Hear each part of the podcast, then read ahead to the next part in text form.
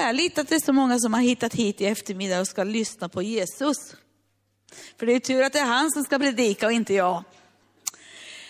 Eh, jag ska ge dig en bild, eller ett par bilder, som liksom, ja, som bara liksom har blivit så här på min näthinna. Du är ju här på en eh, konferens som heter Jesus helar och upprättar. Och det är ju en unik konferens. Där vi tror på att Jesus ska göra under och han gör under. Men jag tror att alla någon gång har varit på ett läkarbesök. Är det någon som inte har varit på något läkarbesök? Alla har förmodligen varit på ett läkarbesök. Och eh, där har du fått liksom uttalat över dig att du kanske behöver hjälp med det här eller det här, den här diagnosen har du. Eller? Ni kan väl vara lite frimodiga? Ja, det har ni förmodligen gjort. Och då är det så här att eh, i vissa avseenden så lyssnar man på det här vad, vad läkaren säger. Och så går man hem med de här tabletterna eller den här medicinen och tänker nu ska det bli bra. Och eh, så är det inte alltid det blir bra. Utan det kanske inte bryter igenom fullt ut, utan du får söka läkare igen. Men nu ska jag berätta någonting för dig som är sanningssägande. Eh, som jag tycker att det är viktigt att du och jag vet om i vår vandring när vi lever här på jorden. För då behöver vi ha sanningen med oss, för det är ju sanningen som gör dig och mig fria. Jesus är ju sanningen. Han är vägen, sanningen och livet. Och då det, finns det tre eh, förbundsnamn som jag vill skicka med dig. Du vet, eh, Herren, han gicker förbund. Eh, och var den som äger förbundsnamn. Och när jag tänker på, på helande så är jag medveten om att jag behöver ta reda på vad säger Guds ord. Och det är det några bibelord jag ska skicka med dig här, som du kan liksom bygga in i ditt liv. För om du har hört andra saker in i ditt liv, om alla möjliga diagnoser hit och dit, så behöver det liksom rivas ner det för att du ska få en, en sann bild av vad sanningen är för dig. Och då står det så här vet du i, i andra Mosebok kapitel 15, vers 26. Då finns det ett förbundsnamn där som är Jehova Rafi. Och vad betyder det? Herren är min läkare. Herren är min läkare. Och det här är ju ett namn då som du kan ha kunskap om. Men du och jag, vi liksom behöver bygga in det på insidan, i våra hjärtan, i våra själar, i våra kroppar. Så att det får gå på djupet in i våra liv så det kan skapas en förvandlingsprocess. Så att den här diagnosen kan flytta på sig. Och om du vill ha ett, ett nya testamentet där, som är samma innehåll, så är det från Matteus 8. Så vi kan slå upp det också.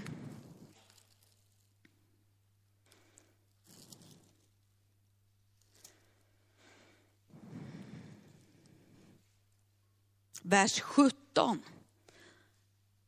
för att det skulle uppfyllas som var sagt genom profeten Jesaja. Han tog på sig våra svagheter och våra sjukdomar bar han. Det är ett nya testamentligt ord. Ryck till det där och säg att det gäller dig. Det gäller varenda område i ditt liv. Vad då svagheter? Du kan ha lite ont i huvudet. Du kan ha lite blodbrist. Du kan ha ont i knäna. Och så ena dagen är det bättre och andra dagen är det sämre. säger det naturliga. Då behöver du och jag veta, vad är det som skriften säger? Han tog på sig våra svagheter och våra krankheter bar han. Han bar våra sjukdomar. Det är det som är sanningen. Det är det som är förbundsnamnet. Att han är Herren din läkare i alla avseenden.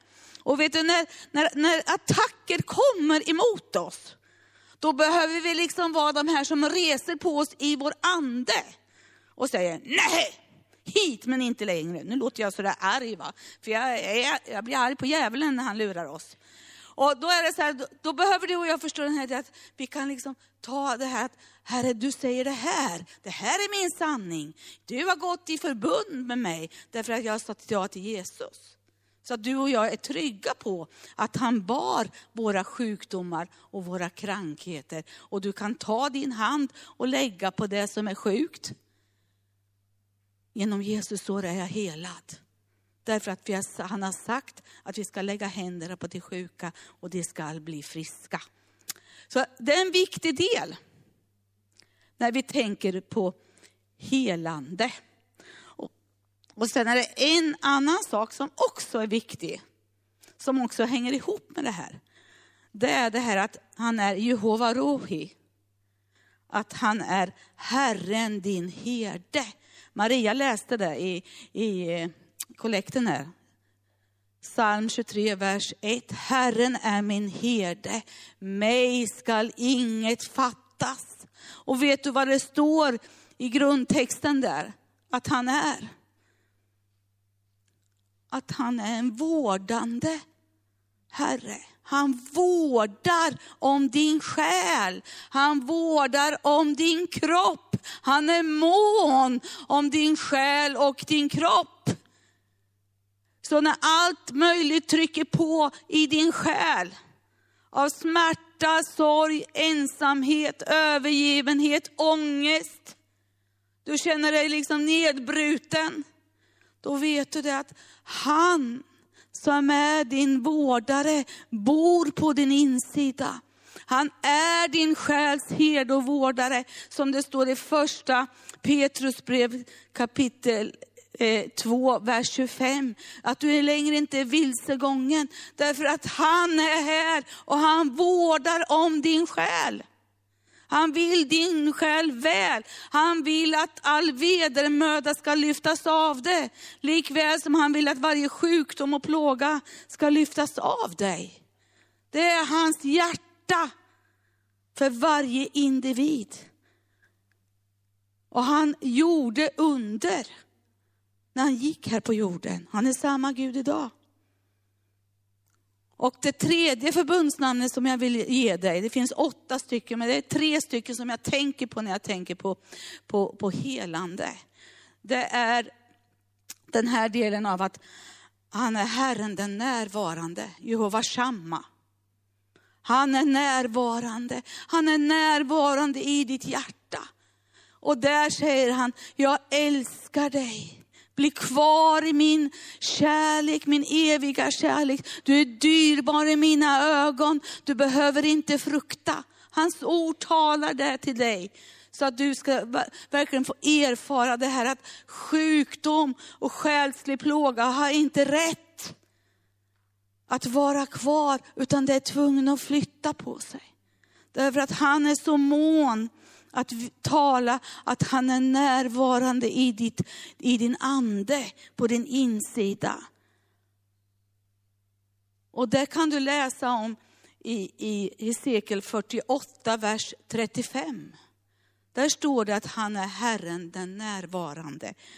Och likadant om du går till Matteus 28, vers 20. Så står det så här, jag är med er alla dagar till tidens ände. Han är med varenda gång, varenda dag, varenda andetag. Så är han med dig på din insida. Och han lyfter dig hela tiden upp och håller om dig och vill liksom överskyla dig med sin kärlek.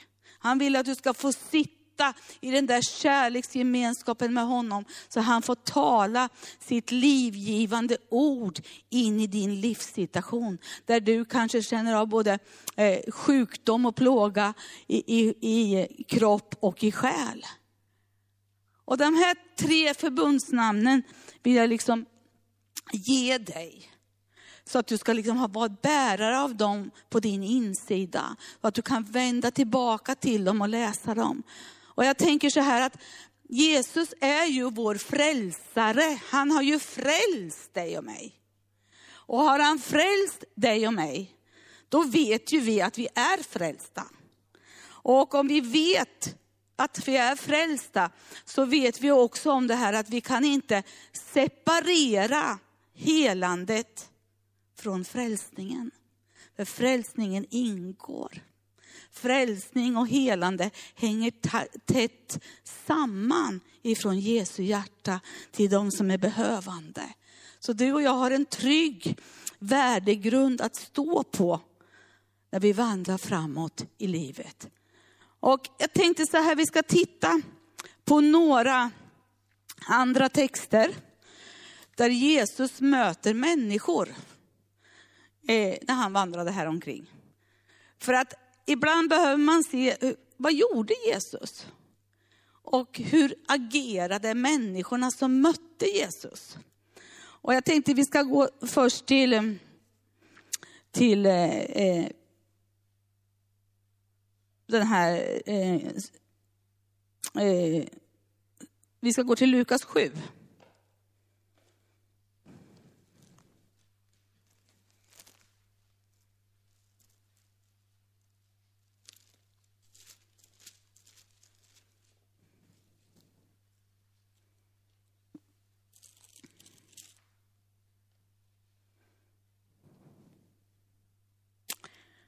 Eh,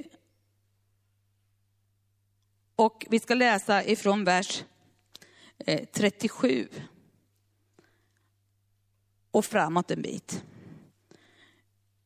Eh, Då står det så här, nu fanns i staden en kvinna som var en synderska. När hon fick veta att han låg till bords i fariseernas hus kom hon dit med en alabasterflaska med olja och ställde sig bakom honom vid hans fötter och grät. Med sina tårar började hon väta hans fötter och torka dem med sitt hår. Och hon kysste hans fötter och smorde dem med olja. Vi stannar där, så ska jag bara säga någonting. Här ser du den här synderskan när hon kom till Jesus. Vet du vad som hände i hennes liv först? Hon blev förkrossad. Och många gånger när du och jag ska söka Jesus, söka hans hjärta, vi ska söka honom som vår helare. Och vi ska söka honom som vår vårdare. Och vi ska söka hans närvaro på vår insida. När vi kommer honom till mötes så sker en förkrosselse. Det börjar ske en, en smältningsprocess på vår insida. Därför vi kan inte längre hålla kvar allt det som liksom eh, eh, försöker stå i vägen. Utan vi bara säger, Jesus kom. Ta det här, låt mig få bli blötlagd i din kärlek. Så du kan komma åt mitt inre, så du kan komma åt min kropp. För där utifrån utgår ju läkedom. Och vi såg ju här hur hon, hon liksom vette Herren med sina tårar. Hon grät. Och jag ska säga det, de flesta gånger jag har mött Jesus själv hemma, då har jag kommit att jag bara har blivit medveten att han, han är Herren, den som vårdar om mig och han är närvarande och han är Herren min läkare. Och det har alltid blivit så här att det, det har kommit tårar, det har kommit tårar i, i mitt inre beroende på att jag bara känt hans närvaro. Jag har blivit så liksom gråtmild. Att Herre, jag är här och du är här också. Du är här och jag vill liksom, liksom utgjuta mina tårar över dig. Därför jag vet att när jag gör det så klär du av mig allt det som inte ska vara där. Därför att du vill vara min befriare, du vill vara min återlösare och du vill vara den som, som befriar och helar. Och vi kan ju läsa resten av det här kapitlet, hur, hur den här kvinnan liksom eh, verkligen var betydelse, hon hade ett betydelsefullt hjärta inför Jesus. Och det var ju de som inte tyckte att hon skulle offra den här alabasterflaskan, därför det var ju den, de hade de ju kunnat sälja för dyra pengar. Men hon tyckte att det här var det hon skulle ge Jesus. Det här var den som han behövde mest av allt. För hon visste hon hade inget värde i andra människors ögon. Så därför kunde hon ge bort allt till Jesus. Och här ser vi ju det här alltså att i all den här delen så fick hon också möta han som var försonaren. Hon blev förlåten hela sitt liv. Och det här är också en utgångsläge för dig och mig. Att vi kanske har levt ett liv där vi inte haft Jesus som Herre, där vi inte haft gemenskapen med honom. Och när vi kommer till honom och vi liksom får erfara den här delen, att vi blir förkrossade och säger till honom, förlåt mig Herre, att jag har vänt dig i ryggen, att jag har vandrat på egna vägar. Vad säger han då? Jag förlåter dig. Och så tvättar han oss rena med sitt blod. Blodets kraft som bara sköljer bort varenda påminnelse av synden som den har gjort in i ens liv. Det är Guds kraft till frälsning det. Det är det som är livgivande och samtidigt så vidrör han själen så att själen får ta emot läkedom från de sår och skador som livet har orsakat in i ens liv. Det är han som är den vårdande herden som gör detta. Och så tänkte jag att vi ska titta ytterligare på några eh, personer.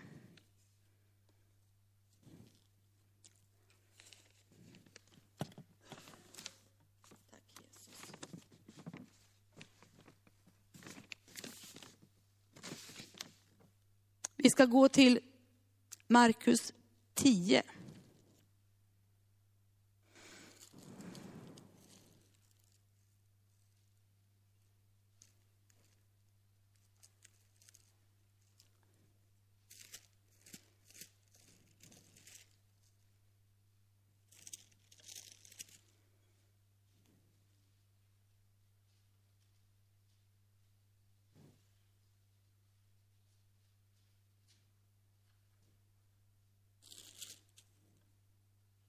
Och då ska vi titta ifrån Markus 10, verserna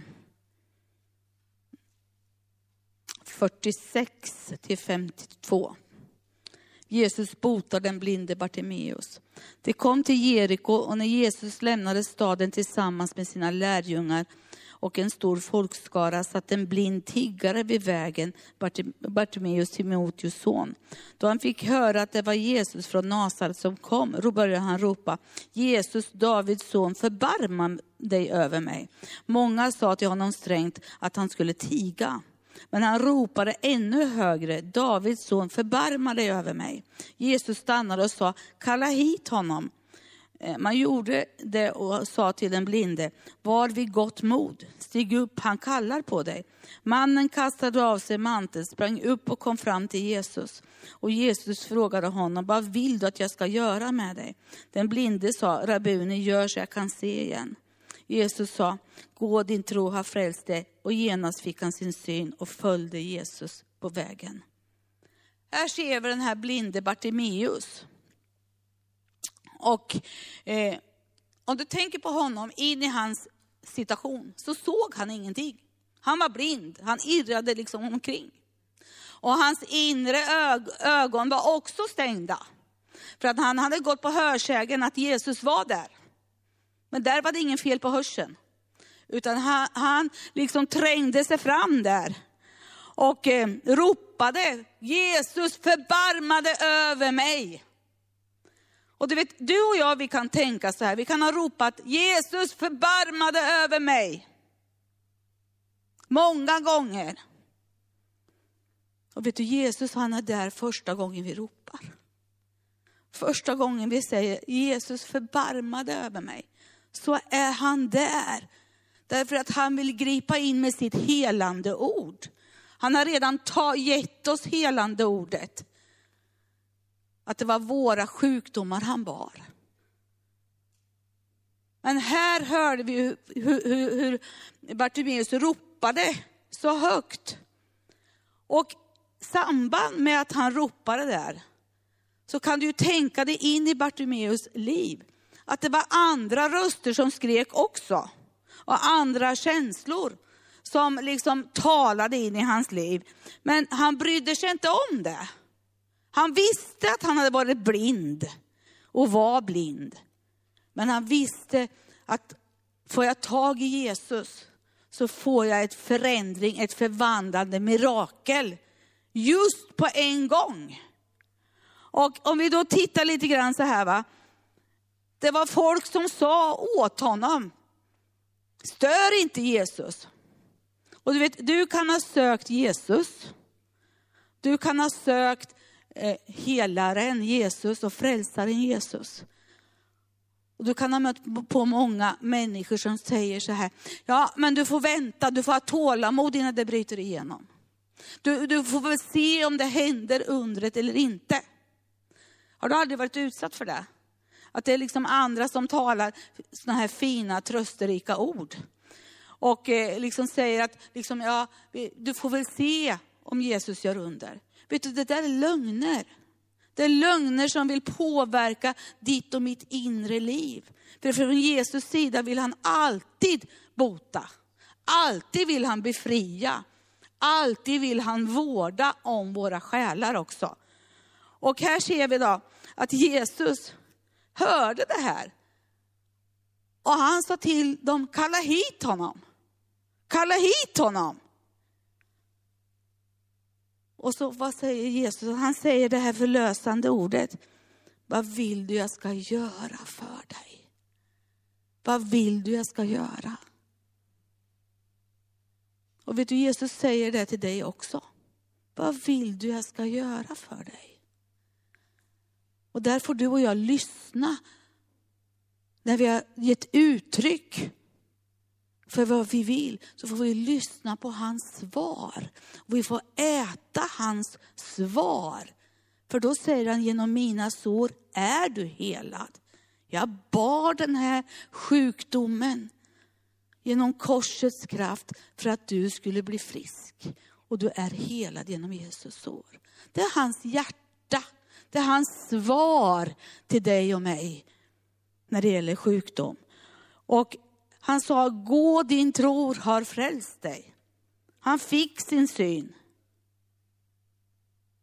Och han gick och han såg.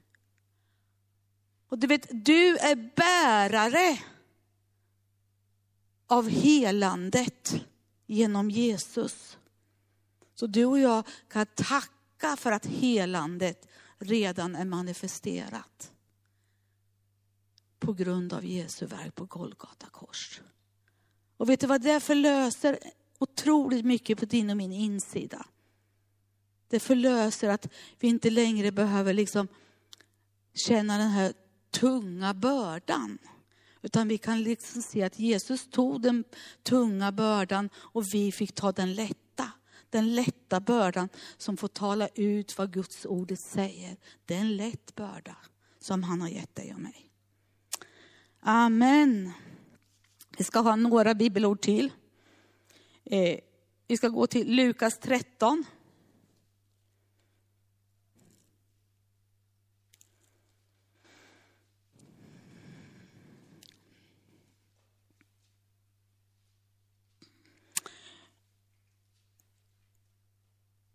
Lukas 13, vers 11. Till och med vers 16. Jesus botade en kvinna på sabbaten. En sabbat undervisade Jesus i en av synagogorna. Där fanns en kvinna som hade haft en sjukdomsande i 18 år. Hon var krokryggig och kunde inte räta på sig. När Jesus såg henne kallade han henne till sig och sa till henne, kvinna du är fri från din sjukdom. Och så la han händerna på henne och genast rätade hon på sig och prisade Gud. Men synagogföreståndaren blev upprörd över att Jesus botade på sabbaten. Och han sa till folket, sex dagar ska man arbeta, kom därför och bli botade på dem och inte på sabbaten. Då svarade Herren honom, ni hycklare, löser inte, inte varenda en av er på sabbaten sin oxe eller åsna och från, från, från krubban och leder bort den och vattnar den. Men denna kvinna är en Abrahams dotter som Satan har hållit bunden i 18 år. Borde inte hon få bli löst från sin boja på sabbaten? Vid de orden skämdes alla motståndare, men all folket jublade över alla underbara gärningar som han utförde. Det här tycker jag är så underbart. Den här kvinnan hade varit krokryggig och liksom nerböjd och inte kunnat titta upp mot himlen. Men Jesus såg henne. Det var inte hon som såg Jesus, utan det var, det var han som såg henne, att hon var bunden. Och även att det inte var tillåtet, så gjorde han ett mirakel. Mirakelkraften var där och gjorde ett under in i hennes liv. Varför då? Jo, därför att Jesus står för helande. Han vill möta allt lidande. Varenda lidande har han burit för att han vill ge hälsa. Jag ska berätta ett litet vittnesbörd för dig. För många år sedan, eh, eh, ja det är ju, han är ju vuxen, sonen nu. Han är född 76 och det måste vara många år sedan. Jag har tappat åldern på honom, men han är i alla fall född 76.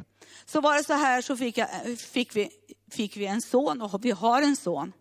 Och i det sambandet, så vid förlossningen så fick jag en förlossningsskada på svanskotan. Jag tog i så vida pass. Så att den liksom, den ska vara böjd men den rätade ut sig. Och det gjorde att jag kunde inte sitta på en vanlig stol. Så skulle jag sitta så fick jag sitta på en sån här Eh, en simring som barn hade eller en jättemjuk kudde. För jag hade så ont. Och jag hade också ont liksom när jag gick så här. Och eh, det var ganska lång smärta det här då. Och eh, jag var hos såna här kiroprakter och de sa så här, nej det har bildats brosk kring det här så vi kan inte göra någonting. Så det här får du leva med resten av ditt liv. Ja, och jag gick ju på möten och jag lärde mig att, att liksom ha med mig min kudde. Jag har varit liksom ett med den här diagnosen. För att den kändes ju av hela tiden.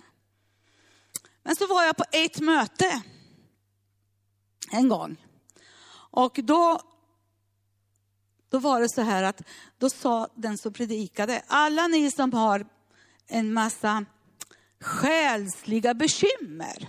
Varför tar jag det här med själen? Jo, därför att själ och kropp hänger så tätt samman. Eh, eh, ni som har själsliga bekymmer, kupa era händer så här. Och så lägger ni alla bekymren i det, sa, sa den här som predikade. Och sen ska ni kasta alla bekymmer på Herren. Och jag hade väldigt många bekymmer därför att jag var en orolig mamma, jag var en orolig hustru, jag var en orolig arbetstagare. Jag var orolig för det mesta av både det ena och det andra. Så jag tog allt det här som jag var orolig för. Och så bara medvetet bara slängde jag iväg det. Och när, när jag slängde iväg det så kom han som predikade och bara smorde med olja. Var löst i namnet Jesus, sa han. Och jag föll i golvet. Och jag låg på golvet i säkert tio minuter, en kvart och hoppade av Guds kraft. Och eh, jag bara kände, min enda, min enda, den är glödhet. Och jag ropade ut, jag är helad, jag är helad, jag är helad. Och min, man, min kära man han sa, du behöver inte vara så högljudd av det. Du kan vara lite lugnare. Men från den dagen var jag botad och vet jag hade haft den här plågan i nio års tid. I nio års tid. Varför, varför delar jag det här med dig? Därför att du ska veta det att oavsett vilken situation du är i, så vill Jesus befria dig från all fångenskap. Vad det än är för namn det heter. Och det, det var ju det här att jag slängde ju iväg all själslig plåga. Och det var jag ju tvungen till, för det var ju någonting som verkligen hade tyngt hela mig. Och det bara försvann i ett nu, därför att Jesus var där som min befriare. Och precis som han löste den här kvinnan, så vill han lösa dig och ge dig frihet i namnet Jesus. Och vi ska ta några bibelord till.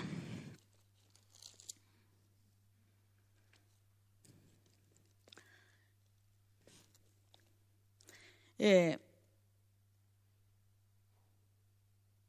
vi ska gå till eh, Lukas evangelium. Kapitel 9.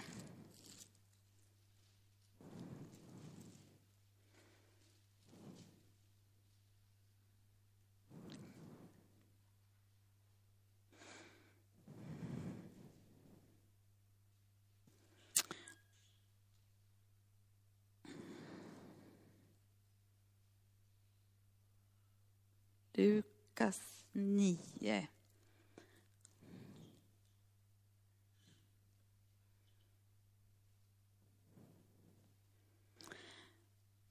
Då ska vi läsa ifrån eh, eh vers 27.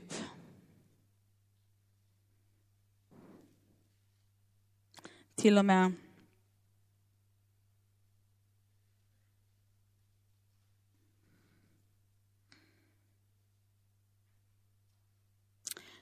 39.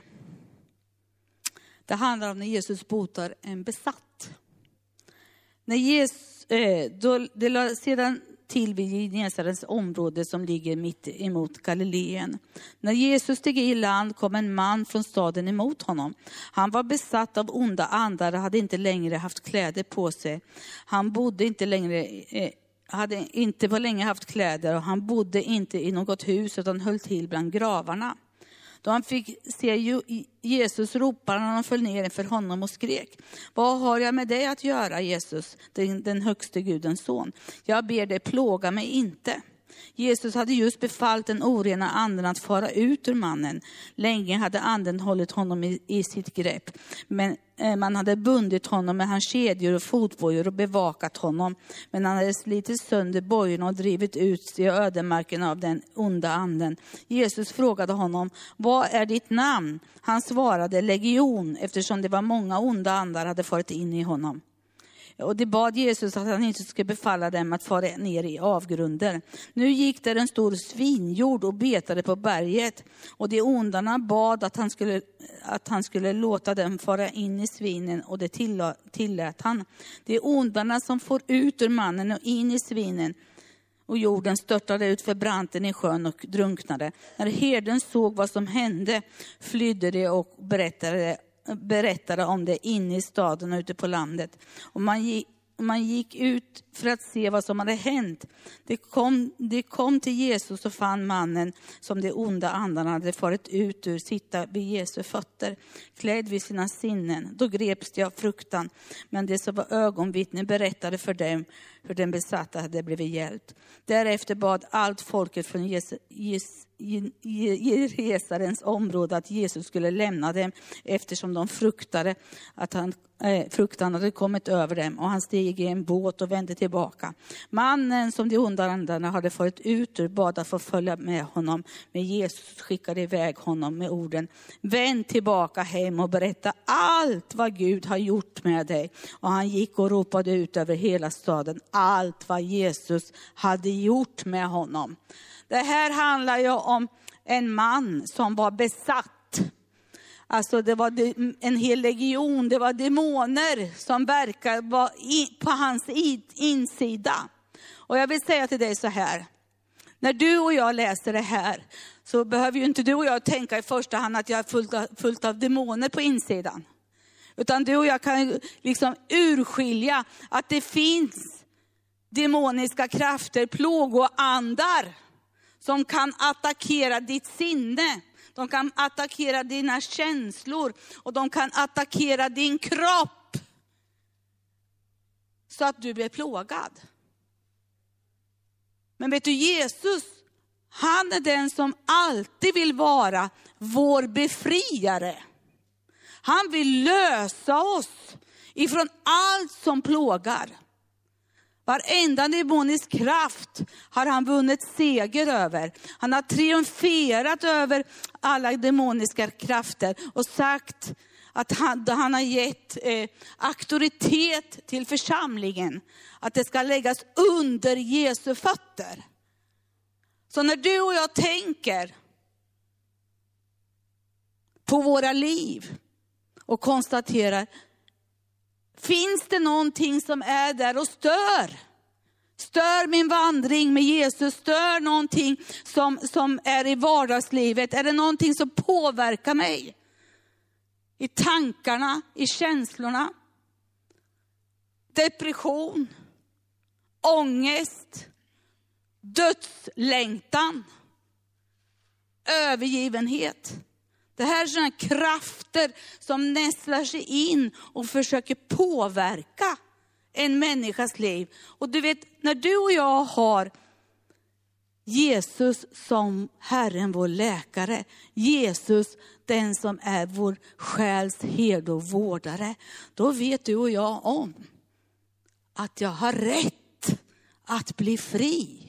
Jag har rätt att bli löst ifrån de här krafterna och makterna i namnet Jesus. De har inte rätt att vara kvar, utan de har fått böja sina knän en gång för alla och erkänt att Jesus Kristus är Herren. Så du har rätt att få ta emot frihet på de områden i ditt liv där du kan känna att du är bunden. För han är din befriare. Och han bor i din ande, men din själ och kropp kan vara attackerad av krafter som påverkar negativt. Men du har rätt från Gud att bli löst i namnet Jesus. Och vi ska titta på ett ställe till. Matteus 9.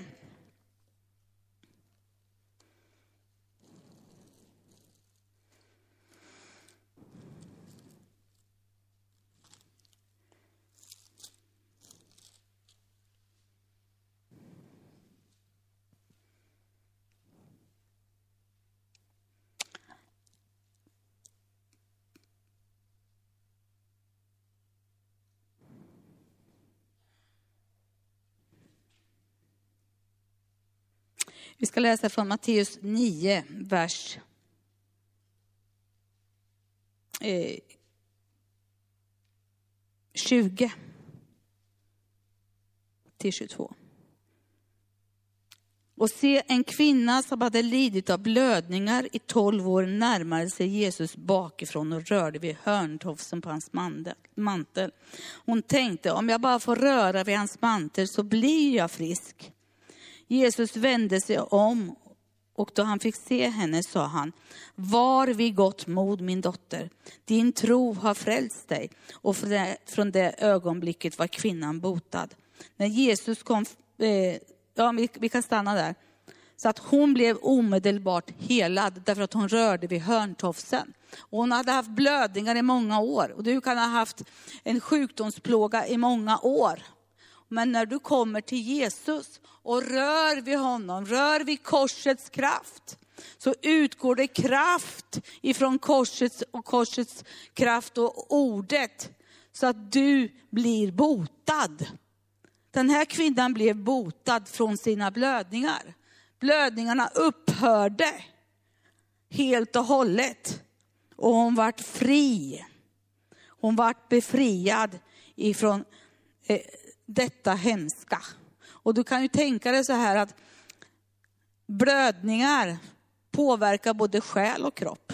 Och du kan ha fysisk åkomma i din kropp som påverkar ditt psyke också. Det, kan liksom, det hänger ihop så att man kan inte skilja på de två sakerna. Utan du kan erfara det här att jag behöver röra vid hörntofsen. Och när du då rör vid Jesus som Herren din läkare, Herren din själs herde och vårdare, och att han är närvarande, så botar han dig. För han vill att du ska vara frisk och att du ska få kunna leva ett långt liv och ha stor glädje i din själ och i din kropp. Och eh, jag tänker också så här, om vi går till Matteus 9.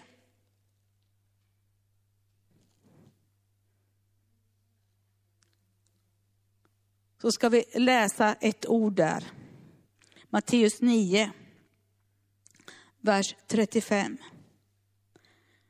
och 36. Jesus gick omkring i alla städer och byar och han undervisade i deras synagogor och predikade evangeliet om riket och botade alla slags sjukdomar och krämpor.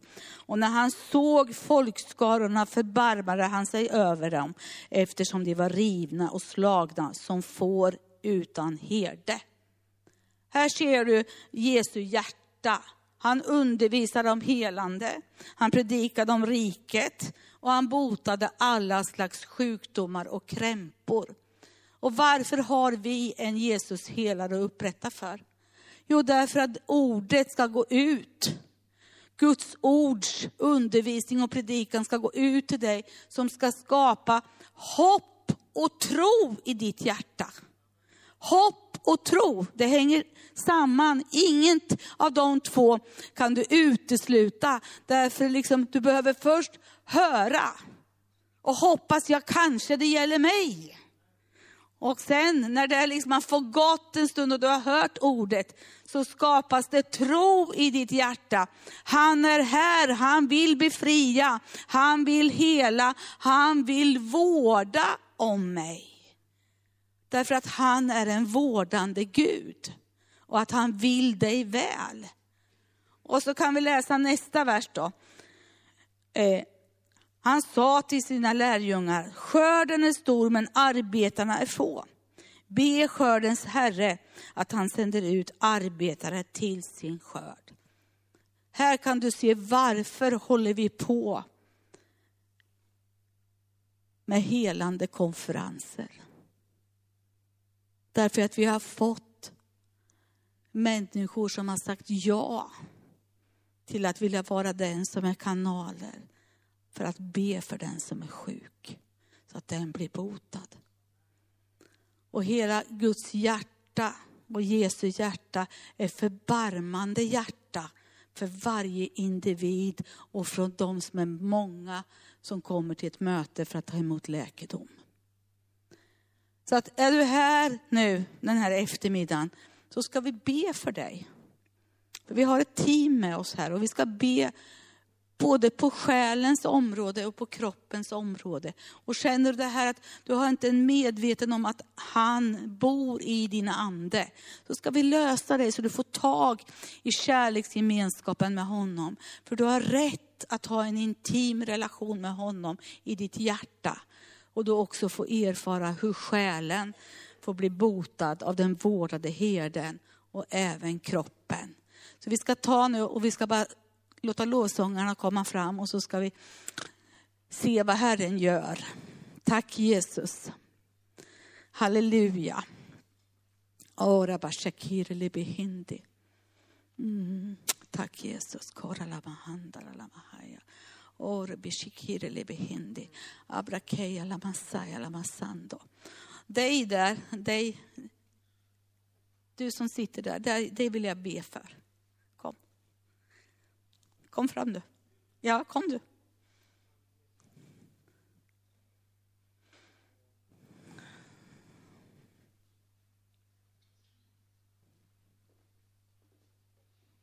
Ja.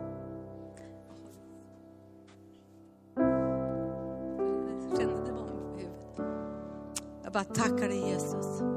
Jag bara tackar dig Jesus.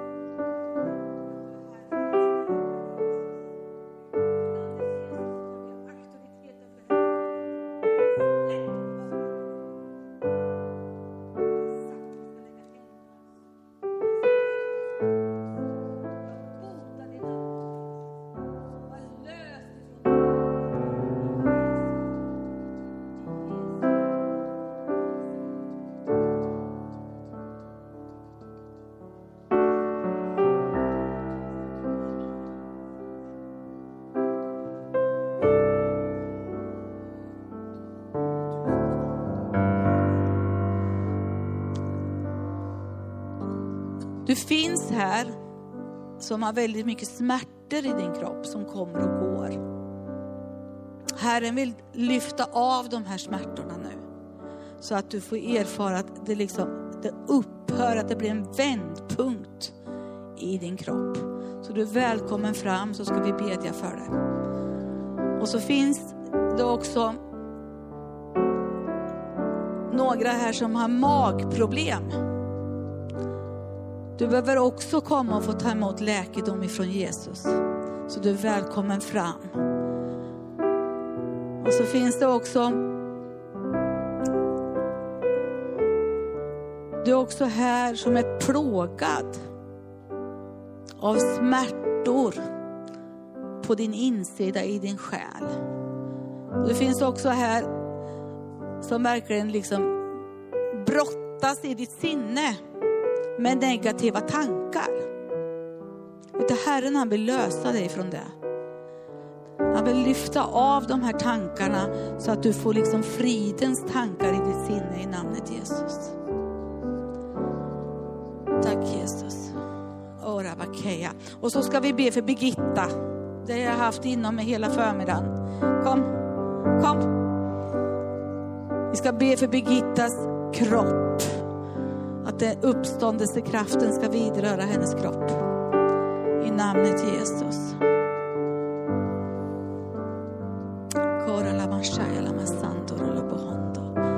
Tack helige Ande. Och så finns det också de som brottas med depression här. Och det utlöser i din kropp också att du blir väldigt, väldigt trött. Så du är liksom orkeslös i kroppen. Du är välkommen fram. Ja, ni har förstått vinkeln, det förstod jag. Tack Jesus.